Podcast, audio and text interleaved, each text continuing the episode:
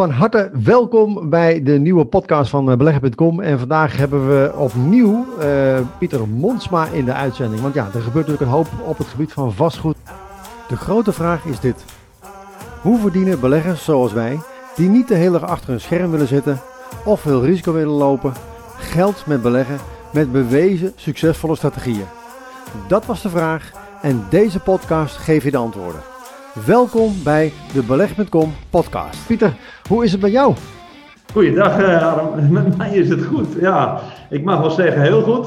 Uh, er is natuurlijk een hele bijzondere tijd, uh, maar in de, in de afgelopen 54 jaar heb ik wel een paar crisissen meegemaakt. En op het moment dat er, als er een bepaalde crisis is, dan sta ik altijd keihard op scherp. Ja, want er is natuurlijk gewoon wel wat gaande. Hè? Als je kijkt ook bijvoorbeeld naar hoeveel geld er wordt bijgedrukt. Uh, als je af en toe die grafieken bekijkt. Uh, ja, ik, ik schrik er wel van, hè jij?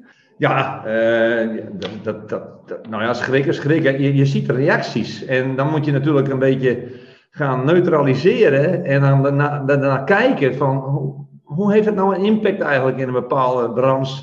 Of op de wereld, in de economie. En ook gisteren heb ik, heb ik weer een hele avond zitten nadenken tot aan vanmorgen toe onder de douche. Wat is er nou de laatste maanden weer gebeurd waardoor mensen anders reageren, anders denken over zaken en hoe kun je daarop inspelen?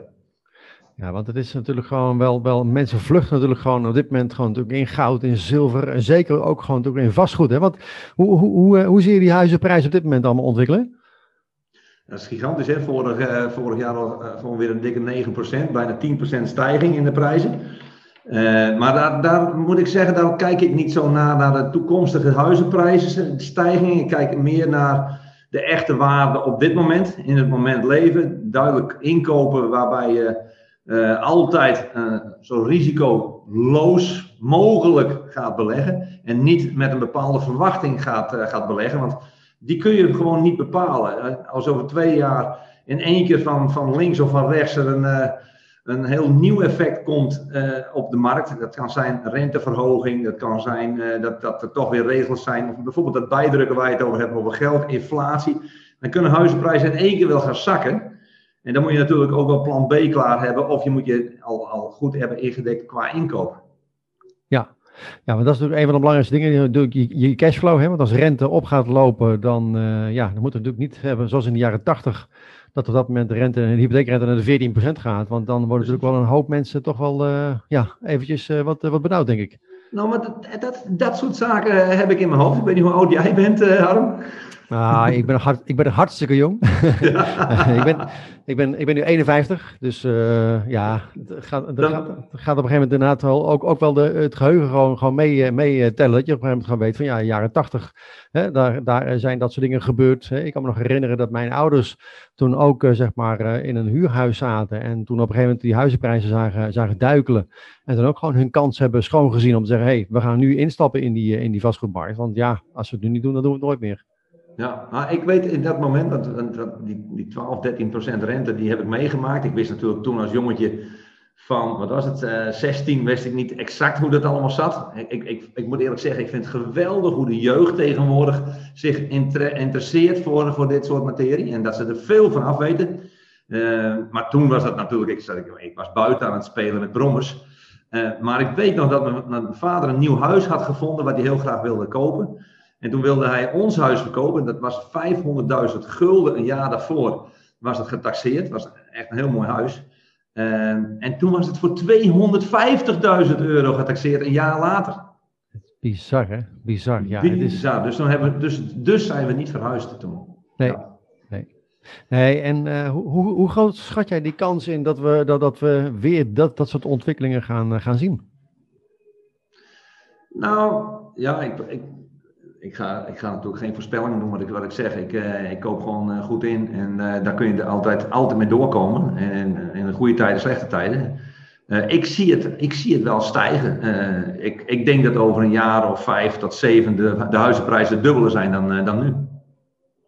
Ja, het zou maar niet. Als je kijkt naar de goud, zilverprijzen, kijkt naar de olie, olieprijs ook weer aardig opgelopen. Uh, edelmetalen, ja, uh, bitcoin hè, gaat natuurlijk op, ja. op, ook als een raket natuurlijk gewoon omhoog, uh, boven de 50.000 dollar. nou, misschien als mensen later deze podcast bekijken, zeggen ze 50.000, kon ik maar instappen nog op 50.000. Ja. wie, wie, weet mag het zeggen natuurlijk hoor, waar het allemaal naartoe gaat. Ik, ik, ben nog ingestapt op 200 euro. Maar alleen, ik heb ze ook weer verkocht een, een tijdje later toen ik dacht van, nou, dit zal toch wel niks meer worden, hè? Ja, nee, ik moet je ook zeggen, ik heb op een gegeven moment ook gewoon een pluk nog verkocht op 10.000. Ik dacht ook van, ja, ik, ik geloof het wel. Ik, uh, en en uh, ja, achteraf gezien had ik misschien toch nog eventjes moeten wachten. Maar dat is natuurlijk altijd het lastige met beleggen. Hè? Uh, wanneer stap je in? Maar waar, belangrijk ook misschien, wanneer stap je uit? En, nou, wat jij, doet, wat jij doet is, wel, is natuurlijk perfect. Hè? Dat je mensen uitnodigt en interviewt. En dat je daar een, van allerlei verschillende richtingen een mening bepaalt. En aan de hand daarvan moet je natuurlijk uiteindelijk zelf beslissen. En zo heb ik me ook omringd met allemaal mensen die heel dicht aan het vuur zitten van uh, verschillende zaken. Uh, ook iemand in de, in de crypto's, die, die is een heel succesvolle ondernemer, los van crypto's. Maar die, die heeft het enorm geanalyseerd en, en hij heeft een strategie waarbij hij een gedeelte van zijn geld altijd weer omzet in crypto's. En Bitcoin is er één van, maar hij denkt nog veel meer aan Ethereum.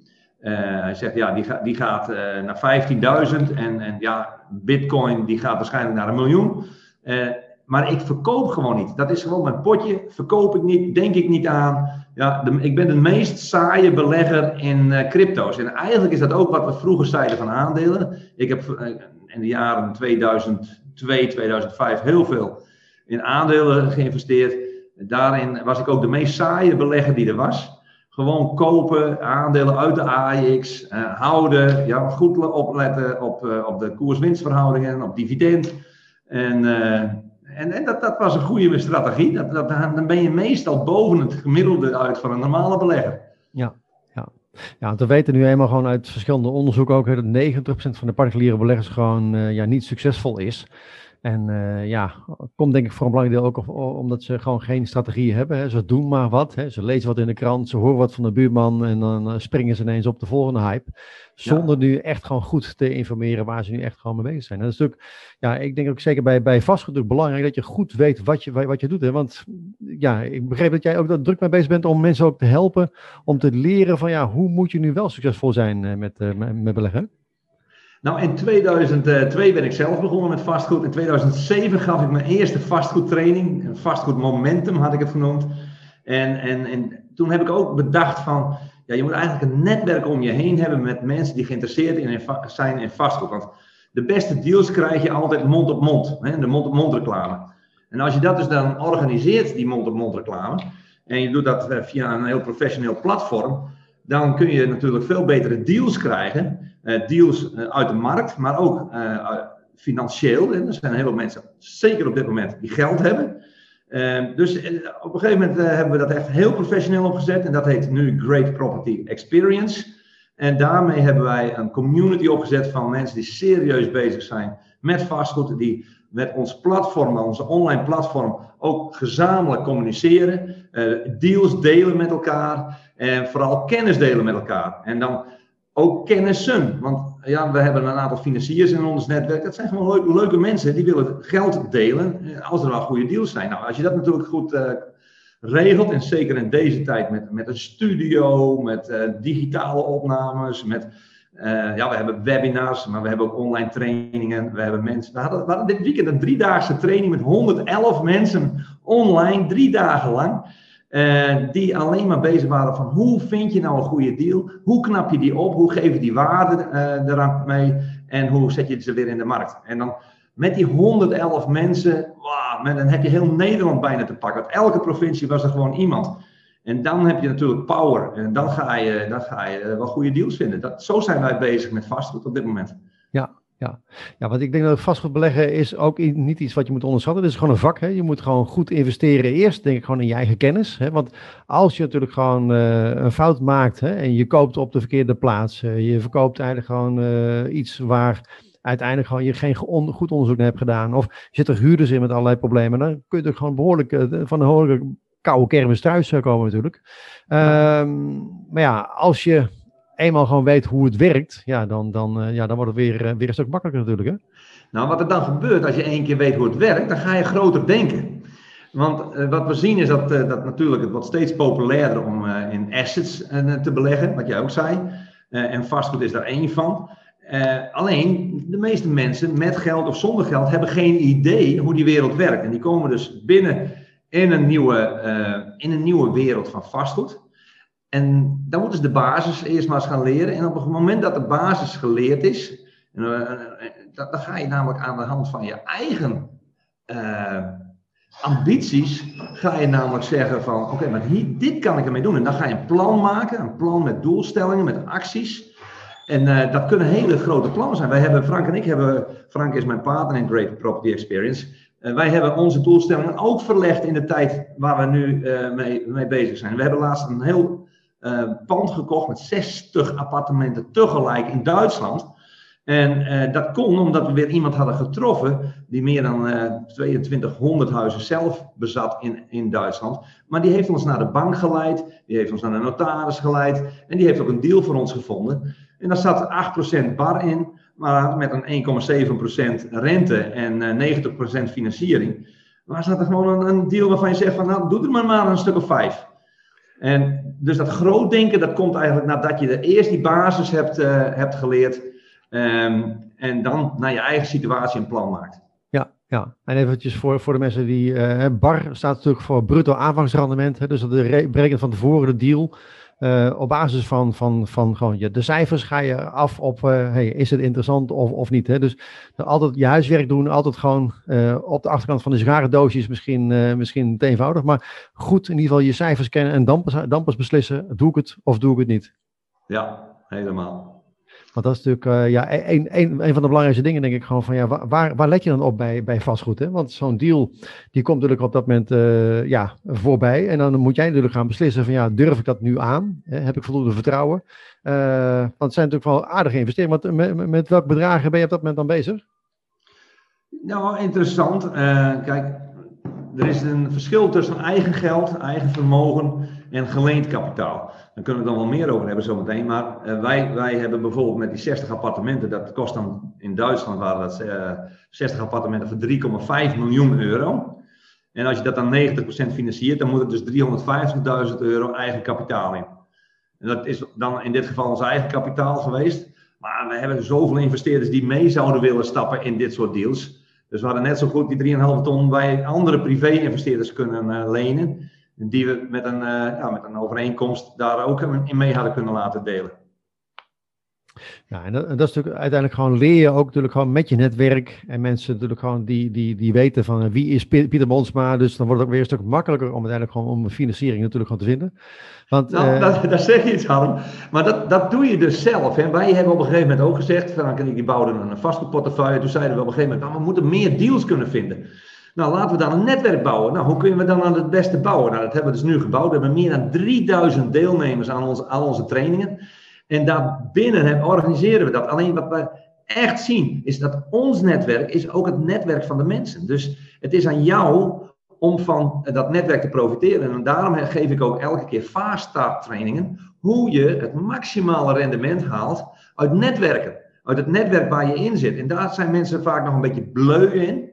En als je dan die bleuheid daar weghaalt en iedereen dan de mogelijkheid geeft om te pitchen. En dat doen we, want iedereen die bij ons het jaarprogramma volgt bijvoorbeeld, die mag op elke meeting even zichzelf uh, vertellen wie die is, wat hij doet, maar vooral ook wat hij zoekt, in welke regio die wat zoekt en wat voor type persoon hij is. En dan krijg je heel vaak raakvlakken, omdat mensen allemaal toch dezelfde interesse hebben.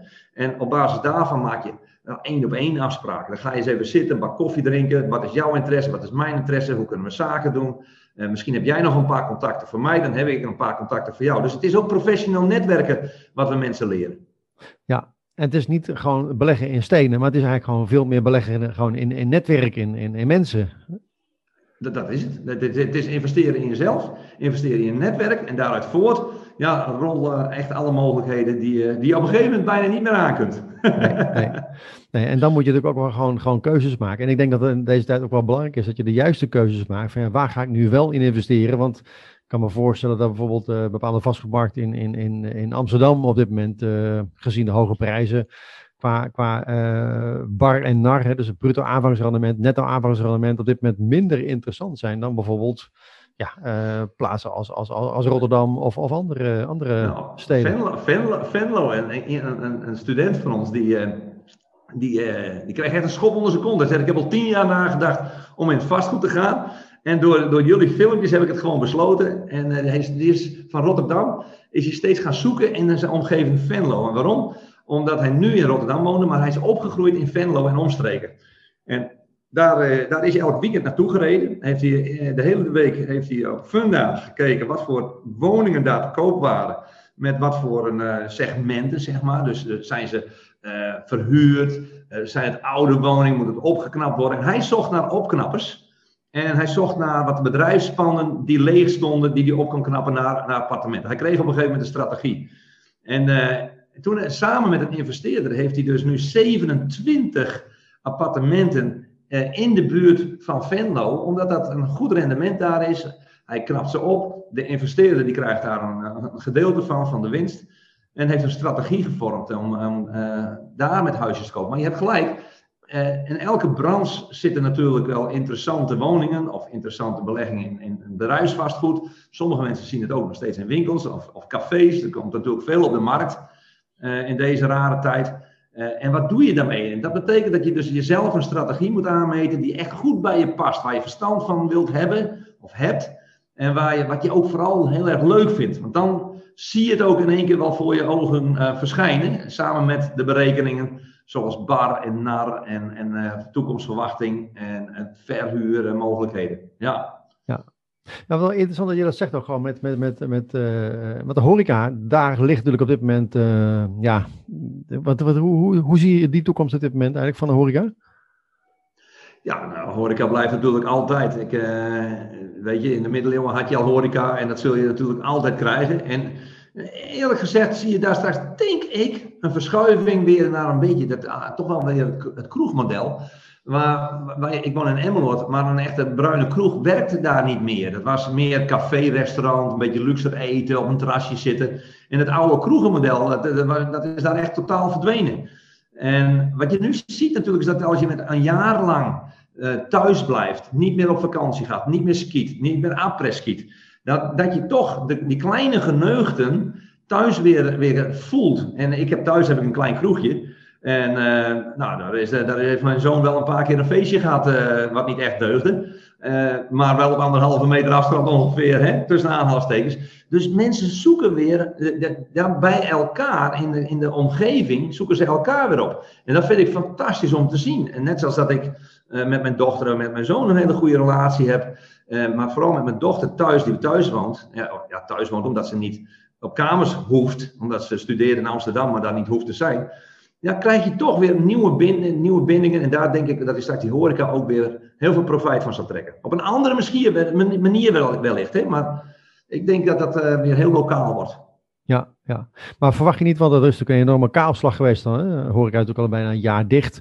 Uh, de reserves zijn er waarschijnlijk wel een beetje, beetje doorheen gejaagd. Uh, schat ik zo voorzichtig in als je een jaar gewoon geen omzet meer, meer hebt. Ver, verwacht je dat, dat er nog in ieder geval wel gewoon een, een gezonde, gezonde sector overblijft op deze manier? Dat zie je in alle sectoren, dat je er wel eens even door zwaar weer gaat. En dan, dan moet je echt ondernemer zijn. En natuurlijk, het is echt niet prettig in deze tijden.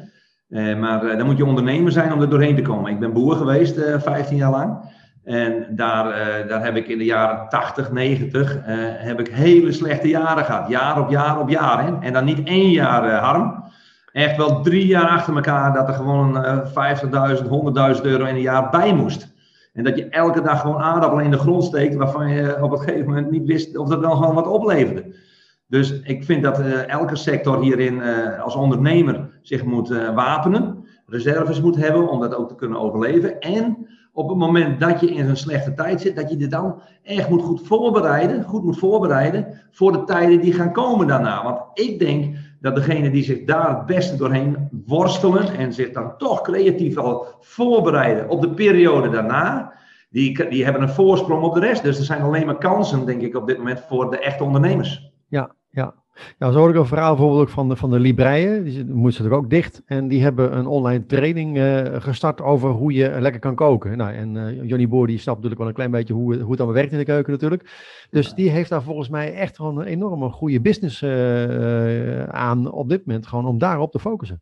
Harm, ik krijg nu weer kippenvel. Ja, maar dit is namelijk ondernemerschap. En deze mannen en vrouwen, ja, man en vrouw, ja, die... die Die twee die zijn zo creatief in het bedenken van weer nieuwe ideeën. En wat denk je in deze tijd? Iedereen zit thuis. Dus ze hebben tijd om te koken. Nou, tijd om te koken, ja, dan ga je daar kookcursussen voor doen. Ik denk dat ze blij zijn dat ze even dicht zijn, dat ze daar een aandacht niet op hoeven te schenken. En dat ze in één keer weer een nieuw businessmodel hebben. En straks gaan, gaat er ook gewoon een café en het restaurant weer open. En dan hebben ze twee businessmodellen. Ja. Nou ja, ik denk dat ze er al een stuk of 15 businessmodellen hebben, by the way. Met boeken en noem het allemaal maar op.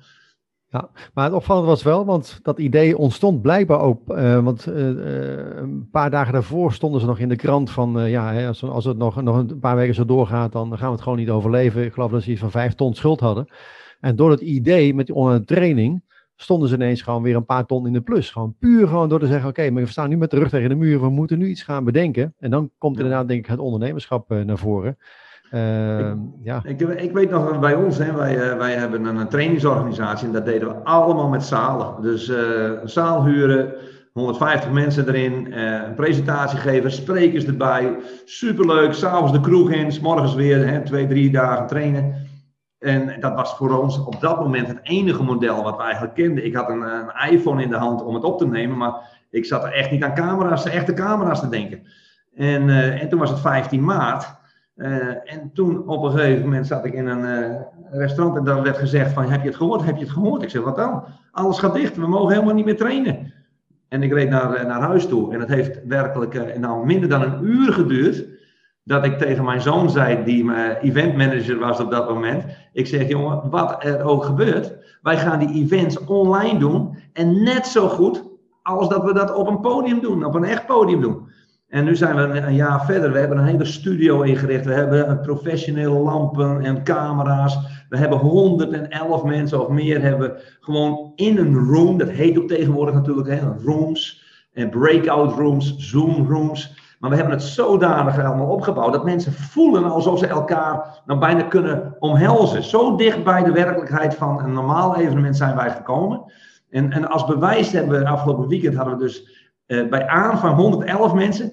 En bij, uh, bij uitreden op zondag hadden we 108 mensen. Dus er waren maar drie mensen die op een of andere manier zijn afgevallen. Die waarschijnlijk dachten van, ik heb een verjaardag of ik ga even naar buiten toe. Maar iedereen, tijdens het mooie weer, zijn ze blijven hangen. Omdat het zo intens was. Je kunt beter netwerken online. Je kunt beter namelijk één op één afspraken met elkaar maken. Je kunt veel beter leren en schrijven en noteren. Je kunt opdrachten beter uitvoeren tussentijds. Je kunt met mensen praten en lachen. We hebben gedanst, man, in de zaal. Echt niet normaal. Mensen hebben met elkaar gepraat in breakout rooms met groepjes van zes, zeven mensen. De mogelijkheden zijn zo enorm groot. En ik ben er echt van overtuigd dat dat wat wij hebben opgezet, dat dat een nieuwe manier is van evenementen organiseren. En waar mensen veel meer profijt van hebben, ook qua netwerk. Ja, dan dat ze drie dagen lang naar een locatie moeten, twee uur rijden, een hotel moeten hebben en al die zaken. Hoewel we dat natuurlijk altijd blijven doen. Want het mooiste is natuurlijk elkaar voelen, spreken. Ja, het, het, spuug moeten we gewoon van elkaar blijven voelen. Maar uh, ja, ik heb wel een hele nieuwe wereld uh, ontmoet en ontdekt. Ja, maar dat is denk ik ook wel het voordeel van de huidige tijd. We worden wel gedwongen, hè? we staan wat dat betreft, uh, sommige bedrijven niet wel met rug tegen de muur, om dan toch gewoon iets anders te gaan bedenken. En ook te zien van, hé, hey, maar dit is eigenlijk gewoon een heel nieuw model. En ook uh, de klant, ik merk het ook bij, bij heel veel, want ik ja, gaf natuurlijk ook gewoon allerlei trainingen. Nou, dat doe ik nu ook niet meer. Of nou, af en toe met mondjesmaat doen we dat nog eens een keer met een klein clubje. Maar je merkt gewoon dat heel veel mensen toch ineens zien van, hé, hey, dit is eigenlijk toch wel ook een hele handige manier. Ik heb ook vrij veel klanten uit België. Hè, soms staan het aan de, de, de, Franse grens en ja, die moeten dan vijf uur rijden voordat ze dan een keer hier zijn. En nu zeggen van, hé, hey, maar dit is eigenlijk toch ook wel ideaal dat ik het op die manier gewoon vanuit mijn eigen huiskamer kan, eh, kan bekijken. Dus ja, ik, ik denk ook dat er wel ook, ook een, een verandering is in de economie, in een, een bepaalde businessmodellen, die um, ja, ontstaan door de huidige situatie. Ja, en dat gebeurt in elk decennium. Ja, elk decennium heb je dit. Ja, je hebt ook mensen die in 2011 echt keihard in het vastgoed zijn gegaan, omdat er geen bank het wilde financieren en iedereen zei het wordt niks. En daar zijn ze ook doorheen gegaan. Uh, we hebben het in de jaren 80 gehad. We hebben het uh, in 2002, dat was ook zo'n jaar. Ja, daar heb ik heel veel in aandelen gedaan. Was ik echt gelukkig net op tijd en ook net op tijd eruit.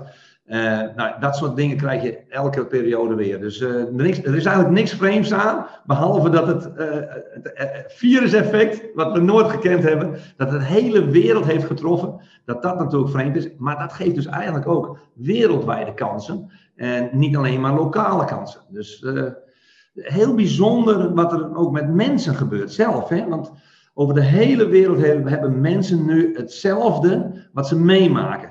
En ik heb als, als trainer en vastgoed uh, een trainer heb ik vier jaar lang de hele wereld over gereisd. Van Melbourne Sydney naar Singapore naar Dubai naar Indonesië, India, Nederland, Engeland.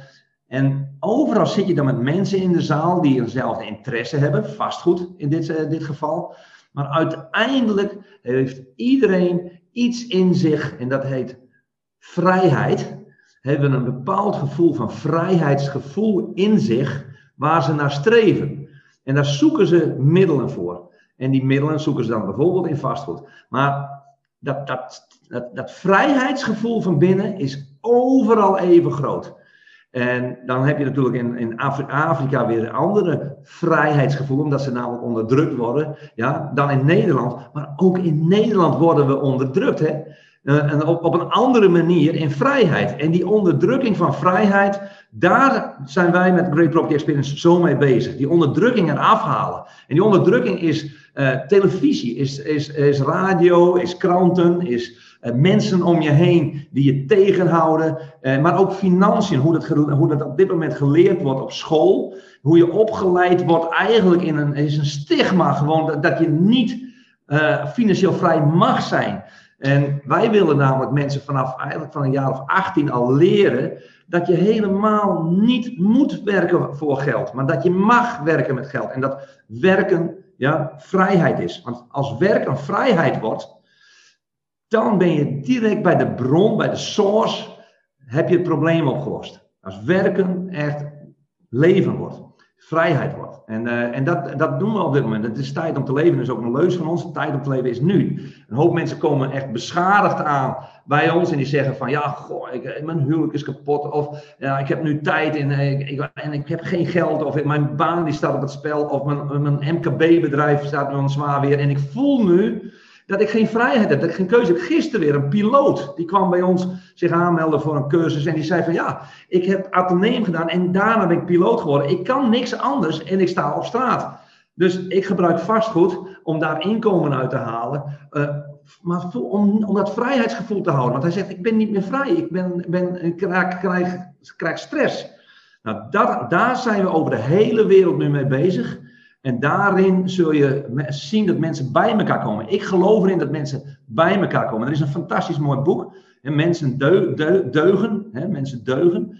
En dat is echt zo. Mensen deugen. En dat zie je in crisissen komen. En daarom zie je ook dat en jarenlang dat we in Nederland zo ontzettend rustig met deze crisis omgaan. Er zijn geen opstanden.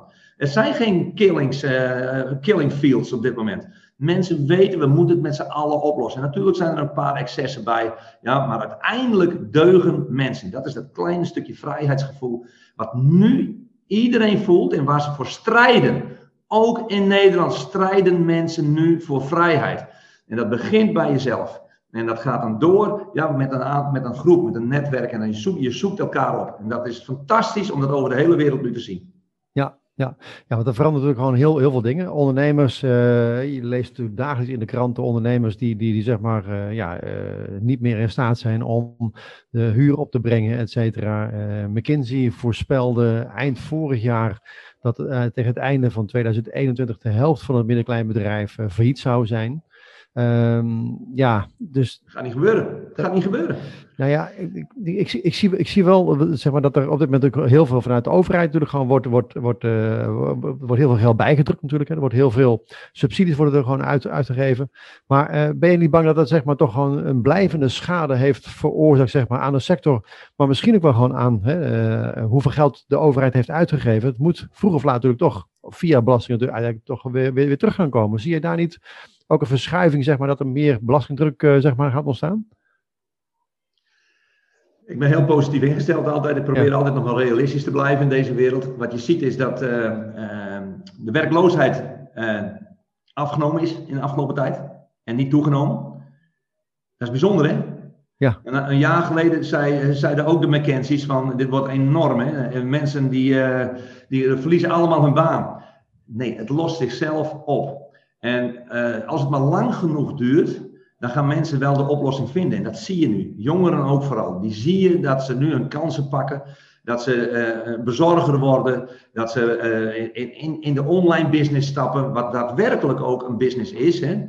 we versnellen op dit moment andere businessmodellen ten opzichte van het oude verdienmodellen. Want de oude MKB, oh, inderdaad, als je net zoals Kodak vroeger niet meegroeit uh, in, in, in internet en zegt van ja, maar niemand zal een foto maken uh, digitaal, omdat altijd dat, dat, dat dingetje, dat ouderwetse dingetje wat een foto heette, uh, dat, dat zal iedereen houden. Ja, als je daar blijft hangen, dan ben je kapot en ga je kapot. dat is Kodak ook gebeurd.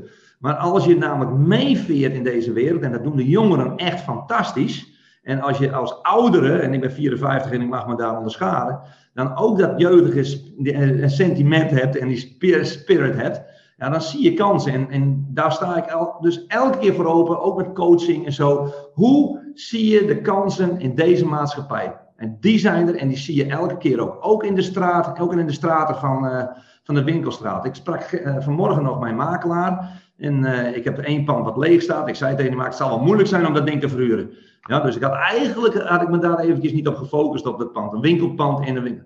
Hij zei, nou, hij zei, dat moet je niet zo zeer zeggen. Op dit moment is in het centrum van Emmeloord alles verhuurd. Dus er is niks meer. En ik heb deze afgelopen weken weer drie winkels verhuurd. Een, ijs, een ijskraam. En die is, uh, ja, die, ik zeg, meen je dat serieus? Hij zegt, ja joh. Mensen zijn zich aan het heroriënteren en de, nieuwe concepten aan het opzetten. En daar hebben ze ook weer ruimte voor nodig. Harm en alle luisteraars, ja, spread the word. Ja, er zijn kansen en er zijn verschuivingen. En als je daarin meeveert, dan zie je al heel snel weer ja, dat ook jij daarin een, een fantastische toekomst hebt.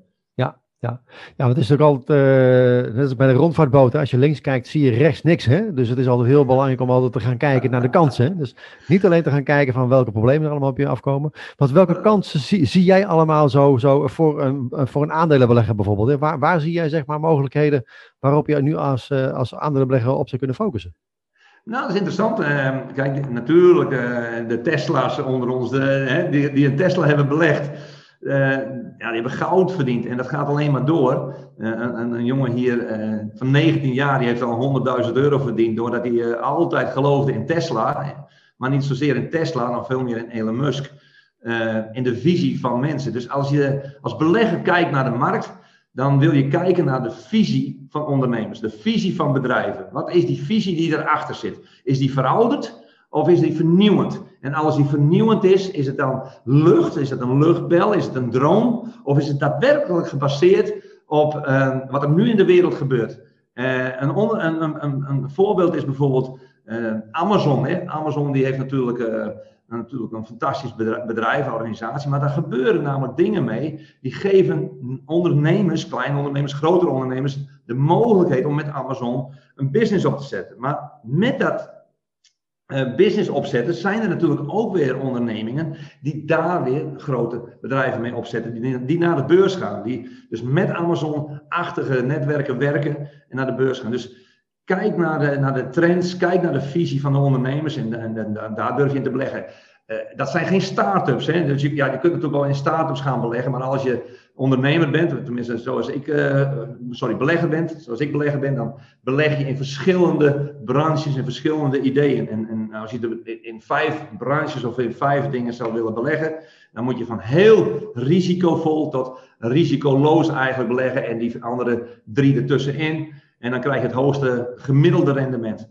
Maar er zijn wel een paar, hè, één en twee risicovol, daar kun je wel een hele hoop onderscharen op dit moment waar heel veel kansen in zitten. Dus ja, is, eh, en, crypto is er misschien wel één van, maar uh, en Amazon-achtig is er ook wel. Maar aan de andere kant wat ik zeg, hè, in, uh, winkels, ja, dat, dat, ik, ik ken hier iemand in Zwijndrecht waar ik mijn kantoor heb, die investeert in winkels. Ja, die zegt, die kan ik nou goedkoop aankopen en dat wordt, die, die kleed ik weer wat aan op een andere manier. En let op, daar, daar komt straks een heel hoog rendement uit. Ja. ja, want je moet het natuurlijk durven hè, om, om te kopen wanneer uh, ja, het bloed door de straat loopt. Hè, dan moet kopen, jij kopen, kopen. Ja, ja.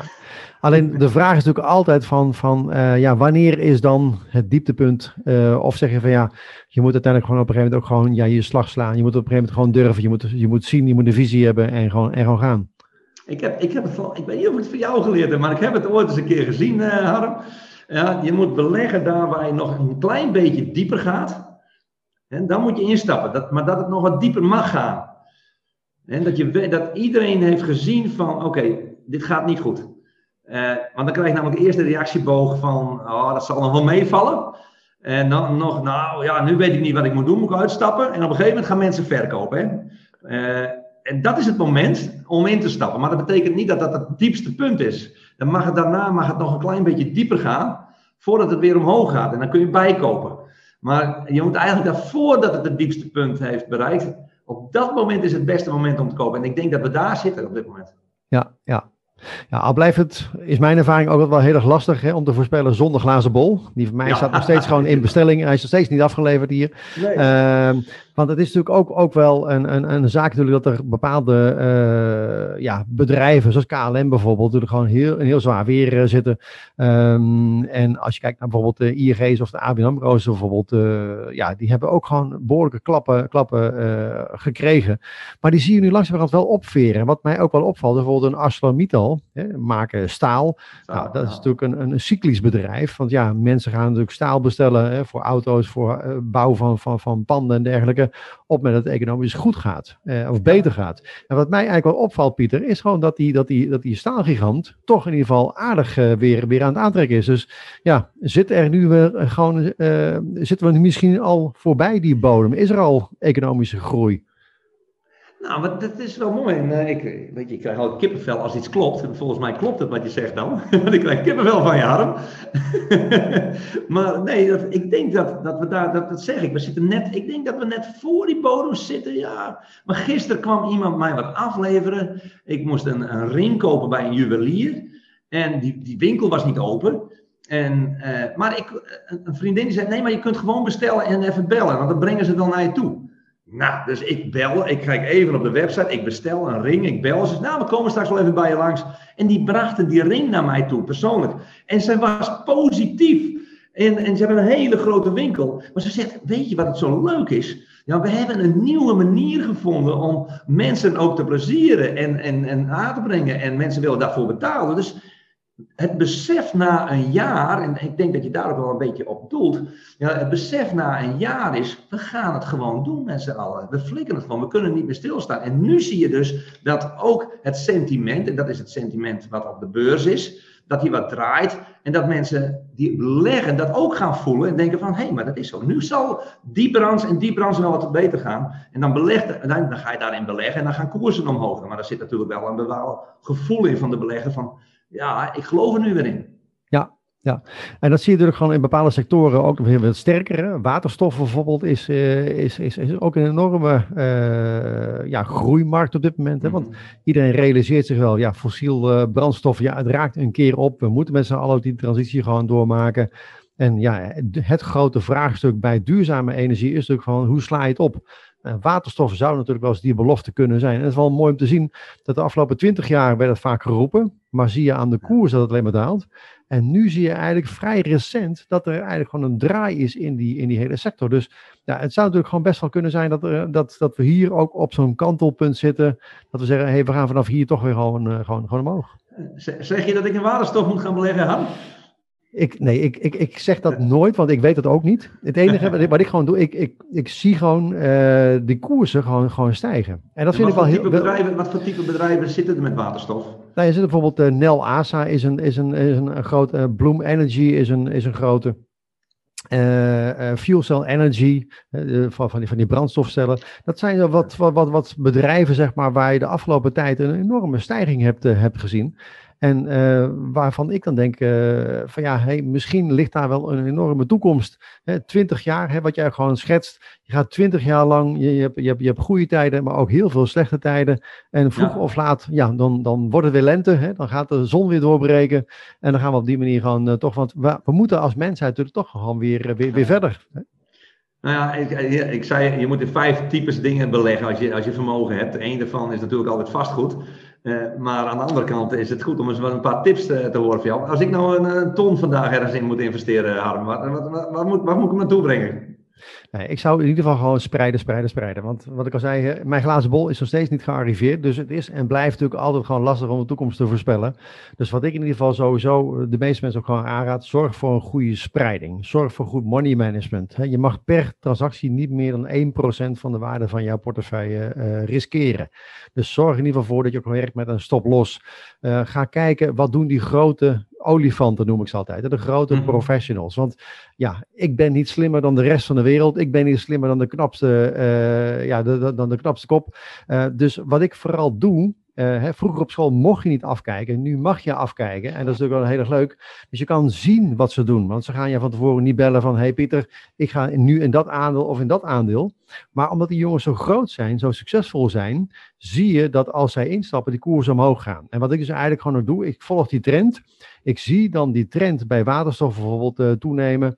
Uh, en dan ga ik op, op die manier daarin investeren andere trends eh, die uh, ja, misschien nog niet helemaal rijp zijn, die laten gewoon eventjes rustig uh, eventjes voor wat het is. Maar ik maak gebruik van de, van de, aan de ene kant de knappe kop, aan de andere kant is het ook de wisdom of the crowd. Ik probeer gebruik te maken van die kennis en expertise van alle mensen samen. Want ik weet niet of je die analogie kent van, er was op een gegeven moment op een markt, daar werd een, een, een koe, die kon je als je het gewicht juist raden, dan kreeg je die koe, mocht je meenemen. Ja. Nou, en uiteindelijk, hè, er waren er een paar die zeiden, ja, die koe die weegt 100 kilo, de andere zeiden 10.000 kilo. Nou, eh, de waarheid lag natuurlijk ergens in het midden. En uh, na afloop van die markt werden al die schattingen bij elkaar opgeteld. En bleek dat het gemiddelde redelijk in de buurt kwam met de werkelijke, het werkelijke gewicht. Nee, dat meen je niet. En dat, en dat is, ja, ze noemen dat eigenlijk de wisdom of the crowd. Dus als heel veel mensen vinden dat het te goedkoop is, ook op de aandelenmarkt, dan gaan mensen kopen. Als heel veel mensen vinden dat het te duur is, dan gaan mensen verkopen. Waardoor je uiteindelijk redelijk in de buurt komt. Want als iedereen daar zijn zegje over zegt en niemand weet het. Maar hè, Pieter vindt het te duur, uh, Harm vindt het te goedkoop. Nou, op die ja. manier krijg je dan een bepaalde balans in, in de markt. En dat is eigenlijk wel leuk. Je maakt dus eigenlijk gebruik van de wisdom of the crowd. De wijsheid van alle mensen ter wereld gewoon samen. Nou, en als je alle wijsheid op deze hele wereld gewoon gaat samenbundelen. Ja, Pieter, dan, uh, dan heb je natuurlijk gewoon iets moois. Nou, dat is wel mooi dat je dat zegt. En uh, jij kijkt natuurlijk allemaal naar mensen die beleggen. En ik ben benieuwd naar welke knappe kop je, je, luistert. Dus daar wil ik nog meer van weten. Maar dat, dat doen wij dus in, die, uh, in die, die, dat netwerk wat we opbouwen, die community die we opbouwen. Daar hebben we nu meer dan 3000 mensen die met vastgoed bezig zijn. En als je dat natuurlijk technisch met data allemaal kijkt waar mensen in beleggen en wat het hoogste rendement heeft en wat het laagste rendement heeft, dan kun je ook trends zien van hé, hey, uh, je kunt beter op die en die manier beleggen in vastgoed. Uh, als je bijvoorbeeld een rendement wil hebben uit verhuur. Of je, wil, uh, je kunt het best op die en die manier huizen transformeren. Als je een, een, een flip wil doen bijvoorbeeld. Of, of transformaties doen. Dus dat zijn wij dus aan het doen. Hè, dat we al die informatie in data omzetten. En daaruit de beste vastgoedstrategieën halen. Dus inderdaad, ook weer naar die crowd kijken hoe zijn mensen daarmee bezig? En dan is het gemiddelde resultaat is hoger dan uh, de mensen die, hè, die laag scoren. En die kun je alweer trainen door het dus op die manier te doen. Wat, wat, wat mensen, en die excessen ja, van hele fantastisch mooie deals, die haal ik er dan ook uit. Want je haalt namelijk het gemiddelde eruit wat, wat erg hoog ligt. En als je dan ook naar de laatste, ik dacht, uh, eh, 100 jaar keek in beleggingsland, hè, beleggen met aandelen of uh, olie of eh, noem het maar, eh, dan, dan is vastgoed weer degene die er bovenaan drijft van alle type beleggingen die je hebt in de wereld. Ja. Gemiddeld over de jaren gezien. Ja, het is ook niet voor niks natuurlijk als je naar de quote 500 gaat kijken. Dat de meeste mensen die daarin staan, ja, die hebben natuurlijk wel gewoon hun geld verdiend met vastgoed. Dus ja, er zal waarschijnlijk toch wel iets, uh, iets, iets in zitten, denk ik, Pieter. weet je, Harm, dat is uh, wisdom of the crowd. Ik zat op het toilet. Nou ja, dat, hoeft er niet bij. Maar ik, was, ik zat eens een keer en ik denk, jeetje, nou heb ik mijn, ik had een, een financieel adviesbureau. En dat, uh, dat, dat was gewoon, dat, dat hoefde niet meer. Dat was een, een slechte periode. Lijfrentes mochten niet meer. Uh, spaarplannen mochten niet meer. Dus ik moest nadenken dus weer over een nieuwe periode in mijn leven. En toen heb ik die quote 500 erbij gepakt. En uh, daar ingebladerd en gekeken. Maar ook weer geanalyseerd. En ik weet ook dat jij van analyseren houdt. Dat doe ik ook de hele tijd. Ehm, elk, elke ondernemer daarin heb ik geanalyseerd. Wat doet diegene nou? En daar heb ik statistieken van gemaakt. En lijstjes van gemaakt uiteindelijk. Allemaal op het toilet. en toen kwam dat dus vastgoed uit. Ik denk, ik moet in het vastgoed, man. Dat is mijn next step. Want ik, ik wil altijd naar mijn next level toe. Dus ik denk, ik ga naar een next level toe eh, met vastgoed. En dat was in 2002. En toen ja, ging ook heel snel. Als je één keer daarop focust, dan zie je in één keer allemaal deals voorbij komen. En dan denk je van, ja, hoe is het mogelijk? dat is een goede deal, dat is een goede deal. En, en toen ben ik begonnen met vastgoed. Door eh, even naar de crowd te kijken. Inderdaad, leuk. Ja. Maar, maar wie volg jij, uh, Harm? Wie volg jij? Welke knappe koppen? Nou, ik volg niet specifiek één knappe kop, omdat ik ook wel, uh, heel veel mensen roepen altijd Warren Buffett bijvoorbeeld. Maar ja, als je gaat kijken naar de cijfers, dan blijkt Warren Buffett al 30 jaar lang niet meer de S&P 500 te hebben verslagen. He, want heeft vooral, heeft uh, de internet uh, hype heeft hij eigenlijk gewoon helemaal gemist. Hij gezegd, ja, dat snap ik gewoon niet, doe ik niks mee. Ik ga vooral inzetten op retail. Nou, we hebben gezien dat de retailmarkt natuurlijk gewoon, ja, toch een stuk minder het, het heeft gedaan de afgelopen tijd. Dus je ziet dat hij eigenlijk gewoon de afgelopen 30 jaar er maar weinig van heeft gebakken. Maar goed, de man is ja. wat ouder, Pieter, je moet op een gegeven moment ook, hij heeft, je hij heeft, precies. Maar eh, wel interessant ook dat, dat je, uh, ja, uh, er zijn natuurlijk gewoon verschuivingen. Maar waar ik vooral, vooral gewoon naar kijk, is gewoon wat doen die mensen. Dus het maakt mij ook niet uit wie het nou precies is. Hè? Of nou het AW Pensioenfonds is, of het Robeco is uh, die op dat moment gaat kopen. Waar ik vooral naar ga kijken is, wat doen ze? En dat is dus eigenlijk heel eenvoudig te zien aan die koersontwikkeling. Want ja, als die grote beleggers zeggen van, hé, hey, dit is een interessante sector, bijvoorbeeld waterstof, en gaan daarop in, op instappen, ja. zie je die koersen omhoog gaan. Als zij uit bepaalde sectoren stappen, hè, dan weet je gewoon, nou ja, dan hoef ik daar mijn huiswerk niet te doen. Ik kan vertrouwen op die knappe koppen. Want, uh, ja. Wie zijn dat? Wie zijn dat? Wie zijn die zij? Ja, dat, dat, dat, dat is moeilijk. Ik denk ook dat heel veel eh, partijen ook gewoon uh, ook in de anonimiteit zitten. Uh, want ja, je hebt ook heel veel van die, van die family offices bijvoorbeeld. nou, die beleggen natuurlijk grote bedragen. die doen hun huiswerk. Ja, die gaan niet even bellen. Oh, ik moet eerst even Pieter even bellen dat ik daarop ga instappen. Want dus, dus die doen dat natuurlijk gewoon niet. Maar die, die, die kopen en die stemmen dus eigenlijk met hun voeten. Of met een portemonnee eigenlijk. Mm, en ja. geef op die manier dus eigenlijk gewoon aan van wat zijn nu op dit moment gewoon de trends? Wat zijn nu interessante zaken om naar te kijken? En welke zaken kun je beter eventjes uh, links laten liggen? Ja. En uh, ja, ik vind het wel grappig als je dan bepaalde uh, zaken uh, later gewoon ziet. Beter bed is dan een mooi voorbeeld. Hè? Een, een, een aandeel wat, wat enorm veel daling heeft laten zien. En op een gegeven moment zag je die koers draaien. En op een gegeven moment kreeg ik dus vanuit mijn systeem een koopsignaal, een groene pijl. Dus ik stapte dus in. Ik dacht ook van ja, wat moet het geworden met het, met het beter bed? En zo zie je dat je emotie probeert op het verkeerde been te zetten. Ik heb toch gewoon die groene pijl gevolgd. Ik ben ingestapt en vervolgens gewoon 100% rendement gemaakt.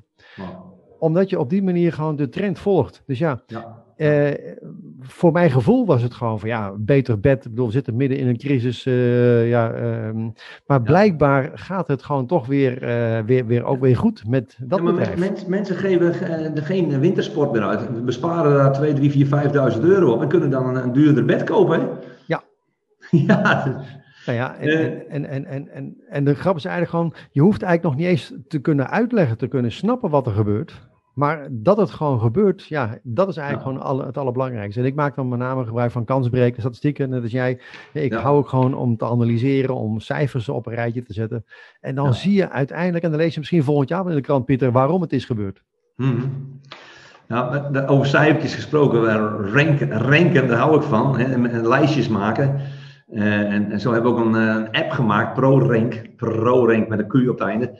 En, en daar ranken wij dus uh, woningen aan rendement, maar ook hè, property ranking, maar ook professionals ranking. En wat we nu doen is dat we investeerders, die matchen we bijvoorbeeld met mensen die, die vastgoed traceren. Dus op zich ook heel erg gaaf om niet in vastgoed te investeren, maar in mensen te investeren. Want op dit moment zijn er heel veel mensen die die zijn heel intelligent. Bijvoorbeeld die piloot. Dat is nou een mooi, dat is een, mooi, mooi voorbeeld. Als je nou ergens in wilt beleggen, dan zou ik in die piloot willen beleggen. Die komt, gisteren komt hij bij ons in de studio uh, met een fles champagne in de hand, want die heeft besloten om ons jaarprogramma te volgen en dus uh, vastgoed te gaan kopen. Dat is een man die heeft uh, hoge, hoge intelligentie. Die heeft gevlogen over de wereld. Die heeft mensenkennis. Die, die heeft allemaal capaciteit, maar heeft nog nooit ergens anders voor geleerd. En nu leert hij om in vastgoed te investeren. En als je dan natuurlijk met een coach goede begeleiding krijgt, dan zou ik als investeerder in zo'n kerel willen investeren. Want dan weet je wij met een goede begeleider dat die straks een aantal panden gaat doen en een, en eh, een portfolio opbouwt waar een goed rendement uit haalt. En dus wat wij met de hele organisatie uh, Great Property Experience doen, is dat we dus uh, investeerders gaan matchen met mensen en niet met vastgoed. En dat is echt ja, totaal nieuw. Ja, alle investeerders willen altijd maar in een goed uh, pand uh, investeren of in, in, een asset zelf. Maar de beste asset is natuurlijk de mens zelf. Als je die eruit haalt, hè, die diamantjes eruit haalt en daarin investeert, dan heb je iemand die voor je, echt voor je aan het werk is, voor je kapitaal, waar je echt een goed rendement uit haalt. Dus dat is op dit moment wat wij ook echt doen. Het gaat niet om vastgoed, het gaat om mensen. Ja. Dus beleg, in mensen en doe het bij ons. Nou, maar ik denk inderdaad ook weer, ook het voorbeeld wat ik net ook aanhaalde, bijvoorbeeld met, met, met Johnny Boer, eh, dat is gewoon een ondernemer, dat is gewoon iemand, dat is een persoon. En je kan wel investeren in zijn bedrijf, maar uiteindelijk is het een persoon die gewoon bepaalt van, hey, ben ik daar nu succesvol in? Ga ik mijn bedrijf omturnen? Ga ik gebruik maken van deze kans? Zie ik de kans? Of ga ik gewoon bij de pakken neerzetten? Want ik ken ook heel veel mensen die, die ja, uh, bij de pakken neer zetten en zeggen van ja, weet je wat, ik wacht gewoon af tot het wel weer, weer overgaat. Alleen sommige dingen gaan gewoon niet meer over of het duurt gewoon heel erg lang. Dus daarom is denk ik gewoon uh, ja, de goede manier om. om uh, en wat jij zegt is ook belangrijk, denk ik. Mensen die op zoek gaan naar coaching. Want er is geen enkele topsporter die ik ken, Pieter, die zonder coach succesvol is. 100%. geen president zonder adviseurs. Het, het, is zo raar dat wij als mensen denken van ja, coaching, ik kan het zelf wel. Ja, je kunt het zelf wel, maar dan zeg ik ook, je kunt het zelf wel op de oude manier. Want dat is de enige manier die je kent. Je kent de nieuwe manier niet, want die moet je ondervinden. En als je iemand vindt die de nieuwe manier van jou misschien wel kent, hetgene wat je nog nooit gedaan hebt, nou, dan zie je heel snel nieuwe ontwikkelingen. Dus inderdaad, Harm, ik ben het echt super met je eens. Iedereen aan de coach. Ja, nou, maar ik denk dat het ook belangrijk is. Je kan toch gewoon zelf opnieuw proberen het wiel uit te vinden. Maar ja, waarom niet gewoon gebruik maken van alle kennis en expertise die er gewoon is? iemand die jou gewoon helpt, die jou behoedt voor alle valkuilen en zorgt dat je veel sneller die leercurve doormaakt dan dat jij dat gewoon zelf zou, eh, zou kunnen doen. Dus uh, ja, wat dat betreft, ik ben het daar gewoon helemaal ook, uh, ook mee eens, Pieter. Ja, um, wat denk jij dus van vastgoed, Harm? Wat, wat, wat is jouw idee over vastgoed? Nou ja, ik, ik, ik beleg zelf ook in vastgoed. Uh, wel heel voorzichtig, uh, want ik ben wat dat betreft toch uh, ja, van mening, je moet spreiden. En ik geloof echt gewoon, hè, kijk, het grote voordeel van aandelen is gewoon die liquiditeit. Want bij vastgoed hè, zit het vaak ook goed vast. Hè, dus je moet zorgen, denk ik, dat, dat je daar een balans in, in, in kunt gaan maken. Dus een deel in, in vastgoed, een deel in aandelen, zodat je liquide bent. Ook als het eventjes wat anders loopt dan jij misschien had verwacht ben je op die manier in staat, denk ik, met een goede aandelenportefeuille de liquiditeit te hebben, waardoor je een heel mooi rendement kunt halen. Maar ook op die manier ja, je kapitaal op een andere manier kan inrichten dan alleen maar. Uh, dus ik, ik, ja, ik geloof echt in spreiden, spreiden, spreiden, spreiden. Ja. een deel in crypto, een deel in aandelen, een deel in vastgoed. Uh, een deel ook misschien in goud en zilver in deze tijd. Uh, want ja, het is natuurlijk wel een hele bijzondere tijd waar we nu, nu in zitten. Maar uh, ja, omdat ik toch nog steeds die glazen bol niet heb, probeer gewoon goed te spreiden. Maak gewoon gebruik van, van, van, van de kracht van die, van die spreiding. Zorg dat je goede mensen om je heen verzamelt. Dat is denk ik het, aller, het allerbelangrijkste. Ja, ja, dat liquide verhaal vind ik wel mooi wat je, wat je zegt. En, en ik ben het helemaal met je eens. Spreiden, spreiden, spreiden. Altijd kijken naar uh, het begin. Waar, waar stop je je kapitaal allemaal in? Ik vind dat vastgoed 100% altijd onderdeel daarvan moet zijn. En dat komt ook door mijn uh, de eigen ervaring. Ik heb ooit eens een keer een stuk grond gekocht. Omdat ik dacht, toen was ik heel jong. Uh, en ik had nog nooit gehoord van, van liquiditeiten en van uh, hefbomen en al die zaken meer. Ik dacht altijd dat ik geld moest hebben om in, om in een vrijheid te kunnen leven. En toen heb ik dat stuk grond verkocht en toen had ik heel veel geld op de bank. Heel liquide, ik was echt heel liquide. en toen heb ik dat ergens ingestoken, nou, wat geen grond was en wat ook niet de asset was. En toen kon ik er dus ook niet meer op lenen. En had ik het nou in die grond laten zitten, dan had ik namelijk altijd er goed op kunnen lenen. Was ik wel liquide gebleven. Op dat, op dat moment, hè, toen ik een jaar of, eh, nou wat was ik, twintig was. Dus die liquiditeit heb ik geleerd dat je die ook kunt hebben met echt goede assets. Dat betekent wel dat je af moet lossen. Dat er waarde moet zitten in die assets. Dus ik, ik, ben, ik geloof er ook echt in dat je tussen de 10 en 15 jaar moet aflossen op je, op je vastgoed. Om die liquiditeitspositie uh, sterk te houden, ook in tijden als het wat minder gaat.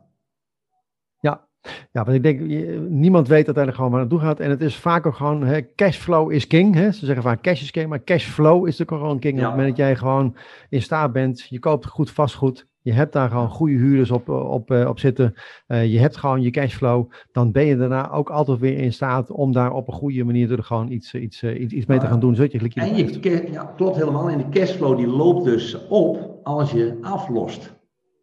Dus de cashflow loopt op als je aflost. En het verlaagt je risico. Hè? Dus wat dat betreft ook weer belangrijk dat je loan to value, dat je gaat kijken hoeveel ga ik lenen ten opzichte van de waarde die ik, eh, die ik eh, in bezit heb. Zodat je op die manier toch ja, uh, ja, flexibel blijft uh, en kan opereren in een markt die ja, toch ook nog wel, wel natuurlijk gewoon net als een andere kant op gaat dan je misschien wel, uh, wel, wel voorspelt of verwacht. Dus, ja, helemaal, ja, absoluut. Ja. Hey, ik vond het een ontzettend interessante interview weer. Want het is alweer de, de tweede uh, interview wat we hebben gedaan, uh, Pieter. Uh, ja. Ik vond het ontzettend waardevol en, en, en leuk om weer in ieder geval met jou weer eventjes bij te praten over wat op dit moment allemaal al gebeurt, welke trends er zijn. dus ik, ja, ik stel voor dat we dit, dit gewoon eens in de zoveel tijd gewoon eens even een keer doen. Om te kijken, wat is er gebeurd? Waar staan we nu? Hoe zien we nu de toekomst? Hoe kunnen beleggers hier gewoon van profiteren? Want ik denk dat het super waardevol is om, uh, om te kijken. Uh, ik heb ja. jou ook een, een, kijkje achter de schermen uh, gekregen van wat je op dit moment allemaal aan het doen bent. Razend interessant en ja, hartstikke goed dat je op deze manier gewoon heel veel mensen helpt met de juiste kennis, de juiste coaching. Zodat die mensen zelf gewoon hun eigen vrijheid gewoon tegemoet kunnen treden. Super, ja, dankjewel. Ja, in een jaar kan ontzettend veel gebeuren. Je kunt totaal tot stilstand komen en je kunt exploderen in groei. Absoluut, absoluut. En je hebt zelf de keuze, je hebt zelf de sleutel in de handen. Dus wat dat betreft, uh, ja. ja. het is uiteindelijk gewoon een kwestie, denk ik, gewoon hoe je daarmee omgaat. Dus gewoon, uh, ja, uh, zoek, zo, zoek je juiste trekkerspoor, zoals jij dat altijd, altijd zegt. Hè. Zorg ervoor dat je gaat doen waar jij blij van wordt, waar jij enthousiast van wordt, wat bij jou past. Hè, ja. Dan heb je de kans op succes, is, is dan, is dan gewoon ontzettend groot. Dus, Bedankt voor de uitnodiging, Harm. Ik, ik ben altijd een fan van je, dat weet je. Ik, uh, ik hou van uh, jouw inventiviteit, creativiteit en altijd maar weer doorgaan. Ja, no matter what. Dus uh, forever friends, man, absoluut, Pieter. We gaan, we gaan we doen je afspraak die staat gewoon. We gaan je binnenkort nog een keer gaan we een nieuwe afspraak eh, proberen in te plannen. Ik wens jou ontzettend veel succes uh, met de training. Want ik, ik heb begrepen dat je in ieder geval nog zometeen gewoon nog een stuk, stuk training moet gaan doen. Ja, dus, we zitten in een tweedaagse training nu, ja. Ja, dus het is fantastisch, fantastisch leuk. En nou, we houden in ieder geval van contact. En nou, wij, wij onze paden kruisen elkaar ongetwijfeld weer. Dus dankjewel Pieter. En tot, tot snel. Tot snel, dag. Wil je meer weten over beleggen? Bestel dan jouw kopie van mijn boek in 10 stappen succesvol beleggen of meld je aan voor de gratis online training op www.beleggen.com. In mijn boek en training ontdek je stap voor stap hoe wij bewezen succesvolle strategieën gebruiken om geld te verdienen op de beurs.